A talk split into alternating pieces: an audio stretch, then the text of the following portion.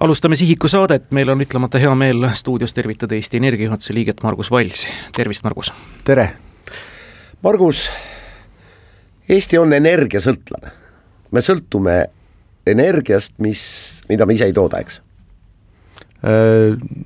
no tänasel päeval küll jah, tänasel päeval küll, aga, aga mis on hea uudis, et äh, Eestil on äh, omad elektrijaamad, millega juba täna on võimalik ka elektrit toota, kui seda vaja on ja sellega me tegelikult oleme võrreldes oma naabritega natukene eelisseisus, sest meie naabrid, nii soomlased, lätlased, leedulased, nendel nii palju elektrilisi võimsusi endal ei ole, et oma vajadused ära katta kas tänasel päeval, kui täpselt kuu on Ukraina sõja algusest täitunud, on meie stepslid välja lülitatud Venemaa looderingkonnast? Äh, minu teada ei ole, et elekter ikkagi äh, meie piirkonda sisse tuleb, küll see elekter tuleb peaasjalikult äh, Soome kaudu. Te olete öelnud, et sõda Ukrainas sunnib Eestit kiirendama rohepööret. kuidas sõda ja rohepööre omavahel seotud? no ma usun, et see lihtsalt suurendab meie kõigi teadlikkust see suurendab teadlikkust selle kohta, et et see, mida me saame teha, ehk see rohepööre ellu viia taskukohaste hindadega, seda tuleks lihtsalt kiiremini teha. Te olete väga tubli optimist, aga mina küll ei usu, et et inimesed kaheksa või kaheksakümne aasta pärast suudavad ikkagi targalt tarbida no mina olen selles mõttes ise natuke suurem optimist ja ma usun, et energiaettevõtetel nagu Eesti Energia ka on, on oma roll selleks, et inimesi aidata, et ma usun, et me ise inimestena ei peagi seda mõtlema, kuidas äh, tarbida ja, ja mida tarbida, eks ole, seda roheenergiat või et, et targida, tarbida seda tarkade seadmetega, selleks ongi energiaettevõtted, kes aitavad meil see rohepööre ellu viia. ma ei saa mitte mõhkagi aru mind huvitab tarbijana see, et kui ma lähen keeran koduukse lahti, lähen koju, vajutan tule põlema ja saan enam-vähem okei okay elektriarve. ja siis on kõik hästi. absoluutselt, täpselt, täpselt seda me pakumegi, et äh, me nüüd äh, eelmisest nädalast hakkasime ka Eesti eraisikutele pakkuma pikki roheenergia lepinguid, mis ongi taskukohase hinnaga on nad ka kindlad, ega roheenergia ju sõltub sellest, kuidas päike paistab ja kuidas vesi voolab. absoluutselt ja see ongi energiaettevõtete roll, et äh, see äh, ebastabiilne roheenergia muuta selliseks, et meie saame seda kodus tarbida siis, kui me tahame klientidena, eks ole, see on ju loomulik, et ega inimesed ei hakka enda tarbimist selle järgi kujundama, kuidas päike paistab, inimesed tarbivad ikka nii, nagu nad tarbivad. nii, räägime sellest. Äh, võib-olla isegi teoreetiliselt nädal aega niimoodi, et päikest ei paista, sellepärast et taevas on pilved ja tuult ka ei ole äh, no see need kaks asja kokku juhtuda on muidugi statistiliselt äärmiselt ebatõenäoline. ma ütlesin teoreetiliselt. võib juhtuda, võib juhtuda, aga ka selleks on omad lahendused olemas, selleks on targad energialahendused, millega panna siis äh, meie elektriseadmed tarbima elektrit siis, kui taastuvenergiat on elektrisüsteemis palju. ja, ja see ei ole enam mingisugune kauge tulevik, eks ole, mingisugused ideed kellegi peas, vaid see on täna juba olemas. näiteks Eesti Energia pakub äh, elektriautodele sellist äh, lahendust, kus tarbija saab äh, panna selle kirja, millal tema tahab oma elektriautoga sõitma hakata ja meie tark energialahendus siis ise valib, millal on kõige soodsam laadida ja kõige soodsam ongi siis laadida, kui taastuvenergiat on elektri tootmises hästi palju palju. Elektrikella kasutavad neil päevil hästi paljud, ma tahtsin rõhuda sellele, et äh, Eesti inim-, ma ei räägi kõigi eest loomulikult, aga noh, paraku on siis Eesti inimeste mälu lühike, on juba unustatud koroonapandeemia suures eos ja võib-olla, et on väga paljudel meelest ära läinud ka need talvised röögatud elektriarved. aga samas ajal ma ei välista, et võib-olla, kui palju on teil inimesi järelmaksuga või, või, või mingite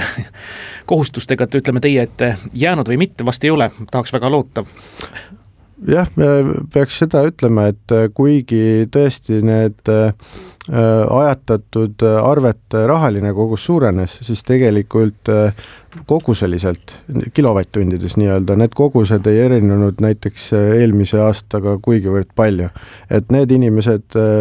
kes vajasid, eks ole, neid lisalahendusi, et tasuda oma elektriarvest osa hiljem, neid inimesi oli enam-vähem sama palju kuhu ma tahan rõhuda, on see, et te olete ka öelnud, et see elektrihindade hästi suur kõikumine just börsipaketi omanikele, see jääb ikka mõneks ajaks püsima ja siin pole leevendust loota. see kindlasti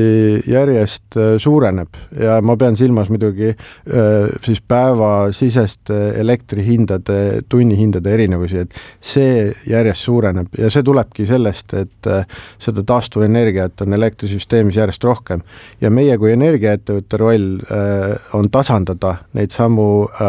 kõikuvusi meie klientide jaoks niimoodi, et kliendid ise ei peaks selleks vaeva nägema, eks ole aga kuidas siis nagu talitada, ma lihtsalt koduperenaise nii-öelda mõttega küsin, et, et on pesumasina režiime, mis nõuavad kahte-kolme tundi ja ma ei saa teha niimoodi, et üks tund võtab ta siin ütleme kuuekümne eurost ja, ja, ja kaks tundi ta võtab selle peale siis saja viiekümne eurost nii-öelda energia hinda. Jah, no kõige enne on mõistlik alustada muidugi kõige suurematest energiatarbijatest ja noh, minu, minu soovitus on vaadata eelkõige üle öö, oma küttelahendused, eks ole, sest need röövivad suurema osa sellest energiast, mida me tegelikult kulutame igapäevaselt. küttelahendused, ventilatsioonilahendused, kellel on, eks ole, siis samamoodi pirnid, et, et noh, need on need kohad, kuhu seda energiat tegelikult kõige rohkem läheb. jah, lõpuks tõenäoliselt jõutakse ka sinna välja, et äh, mõeldakse välja lahendus noh, selliste äh, väiksemate energiatarbijatele, äh, nagu näiteks külmkapid või, või siis pesumasinad, eks ole, aga, aga noh, need on järjekorras tagapool, et kõige enne tasuks alustada kõige suurematest energiatarbijatest. meil ei ole aastakümneid olnud selle rohepöördega kuhugi kiiret ja nüüd äkki on, miks? Äh, meie kogemus on see, et äh, tegelikult äh, meie kliendid hakkasid seda rohepööret ise valima kusagil poolteist aastat tagasi ja neid pikki rohelepinguid, läbi mille me siis ehitame täna juba ise nelja tuuleparki ja meie partnerid ehitavad veel Baltikumis kahte tuuleparki, eks ole. see rohepööre hakkas tegelikult kusagil poolteist aastat tagasi, juba enne, kui need energiahinnad väga kõrgeks läksid ja põhjus oli lihtne, see roheenergia oli taskukohane. inimesed ise valisid, meil on täna üle tuhande äh, äh, ärikliendi Baltikumis, kelle toel kuute tuuleparki juba ehitatakse. Ja me ei küsi nende tuuleparkide ehitamiseks äh, näiteks Leedus toetusi. Sellepärast et klientide lepingud anda, tagavad meile piisavalt suure tuluvoo, eks ole, et need tuulepargid juba valmis ehitada ma ei tea, Margus, kas ma tõukan teid nüüd liiga libedale jääle, aga kas põhimõtteliselt on see tuuleparkide ehitamine jäänud ikkagi suuresti poliitilise tahte taha senimaani? Äh, ütleme niimoodi, et see keskkond näiteks, mis Eestis oli, kus äh, väga paljudes kohtades lihtsalt ei saanud ehitada, eks ole, siis äh, seda keskkonda on tõe, tõepoolest võimalik regulatiivselt kujundada ja seal äh, me näeme, et riik on teinud samme tänaseks, mis seda võimaldavad, on äh, juba rakendatud see radarite programm, eks ole, mis peaks mõne aasta pärast võimaldama väga suurde ossa Eestimaast neid äh, tuuleparke ehitada, aga loomulikult siin saaks ka kiiremini liikuda. Ja, ja noh, miks see oleks mõistlik teha, on loomulikult see, et me kõik klientidena võidame sellest, saame odavamat energiat millal see hetk kätte jõuab, kui me võime siis rahulikult teha slaalomit, ütleme Liivi lahes meretuulepargi nii-öelda tuulikute vahel? no meie loodame, et see hetk jõuab enne kahe tuhande kolmekümnendat aastat, miks see võiks äh, meile kui eestimaalastele huvitav olla, üks asi on loomulikult see energia hind et Liivi lahe tuulepark on väga suur võimsus, eks ole, ta toodab circa pool tänasest Eesti energia, elektrienergia tarbimisest, kui ta ükskord valmis saab, eks ole. ja, ja, sellega viib ka loomulikult energia hinda veelgi soodsamaks kõikidele nendele, kes on äh, selle äh, börsipaketi valinud. aga teise, teine põhjus on äh, see, et ta vähendaks rohkem kui poole võrra vajadust panna maismaale tuulikuid et äh, kui soovida kogu Eesti tarbimine katta äh, taastuvenergiaga äh, ilma Liivi lahe tuulepargita, siis tuleks Eestisse panna juurde kusagil kolmsada elektrituulikut, eks ole. Koos Liivi lahe tuulepargiga on see number kusagil sada kakskümmend, et oluliselt vähem meil on, meile, eks ole, ei meeldi, kui need tuulikud kusagil lähedal on, ütleme, et inimeste meeled reeglina muidugi laabuvad siis, kui äh, on ka kohalik kasu, eks ole, nendest tuuleparkidest, et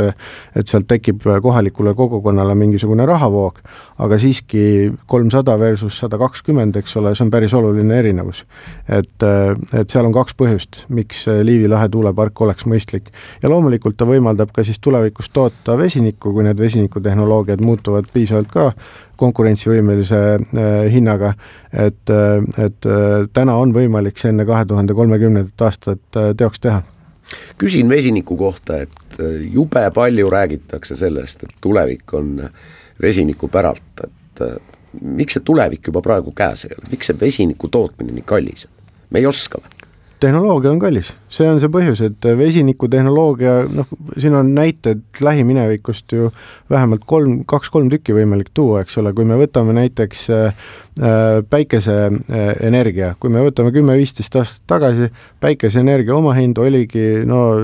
circa äh, kümme korda kallim, kui oli turuhind, eks ole. Täna päikeseenergia, kui ta äh, siis äh, tuleb, omahind on, on äh, noh, märkimisväärselt odavam seetõttu, et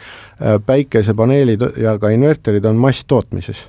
sama lugu on tuulikutega, eks ole, tuuleenergia oli samamoodi kakskümmend viis aastat tagasi väga kallis, taanlased alustasid, kõik mõtlesid, et taanlased on noh, mitte väga mõistlikud inimesed, täna me saame sellest aru, et taanlased vaatasid pikka plaani, nad arendasid ise selle tehnoloogia välja, nende ettevõtted, kes seda tehnoloogiat ise siis müüvad teistele ettevõtetele, on väga edukad, eks ole, ja ka Taani energiaettevõtted, kes siis noh, on siis tuuleparkide omanikud, on samamoodi väga edukad. Nii et taanlastel oli tegelikult hea mõte. Ja sama lugu on ka salvestusega, eks ole, kui me võtame salvestite hinnad, siis salvestite hinnad on viimase kümne aastaga samamoodi kümme korda vähenenud ja nüüd nad hakkavad juba sinna jõudma, et salvestus on ka äh, majanduslikult mõistlik ja äh, me oleme juba oma esimestele klientidele äh, salvestuslahendusi pakkunud, eks ole, ja see, ja see on näiteks üks lahendustest, mis aitab ka äh, vastata sellele küsimusele, mis meil siin saate alguses oli, et et, et kuidas lahendada seda probleemi, et elektrihinnad on hästi kõikuvad ja mis me siis teeme, kui päike ei paista või tuul ei puhu, eks ole, siis me salvestame. ja me lükkame tarbimist sinna, kus on taastuvenergiat rohkem ma palun teil lõpetuseks jälle hiromant olla, millal jõuab kätte nüüd see aeg, et elektri hind börsil jääbki niimoodi no vahemikku kõikuma, ütleme kümme, kakskümmend senti kilovatt-tunni eest, me ei peaks selle pärast muretsema talviti mm,? Äh, seda nüüd on tõesti väga keeruline öelda, aga ma saan seda öelda, et mida me te selleks teha saame, et see juhtuks. valime palun pikaajalisi rohelepinguid siis see tulevik jõuabki kiiremini kätte, sellepärast et nende rohelepingute toel nii meie kui teised energiaettevõtted tegelikult äh, ehitavad neid samu uusi elektrijaamu ja sellega see börsihind alla lähebki. aitäh, et tulite täna Kuku stuudiosse, Eesti Energia juhatuse liige Margus Vals. aitäh